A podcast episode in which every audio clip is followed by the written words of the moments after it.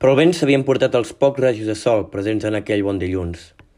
I és que el vent tornava a fer de les seves i havia esfumat tot el ramat de compradors i compradores compulsius que vingueren a la ciutat a gastar durant el primer dilluns de desembre. Però aquell dimarts a ciutat fou un dia de confinament voluntari. I si us soc franc, fou un dia on no vaig fotre ni brot. Ho sento, però és el que hi ha. Crec, però, que era bo que certs dies de clausura anessin dedicats a la mandra després d'inesgotables dies de constants turbulències. Ah, i a més, era la vigília del dia de tornada a l'escola. Aquell virulent oratge havia colpejat la ciutat i regnava de manera autoritària i sense perdó.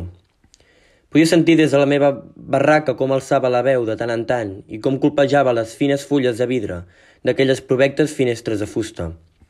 Havia deixat un ambient sort i tèrbol i el veïnat tornava a córrer cuita i mirant amunt, amoïnats per, quins, per quina seria la següent escena d'aquella embolicada pel·lícula que segurament duraria tota la setmana.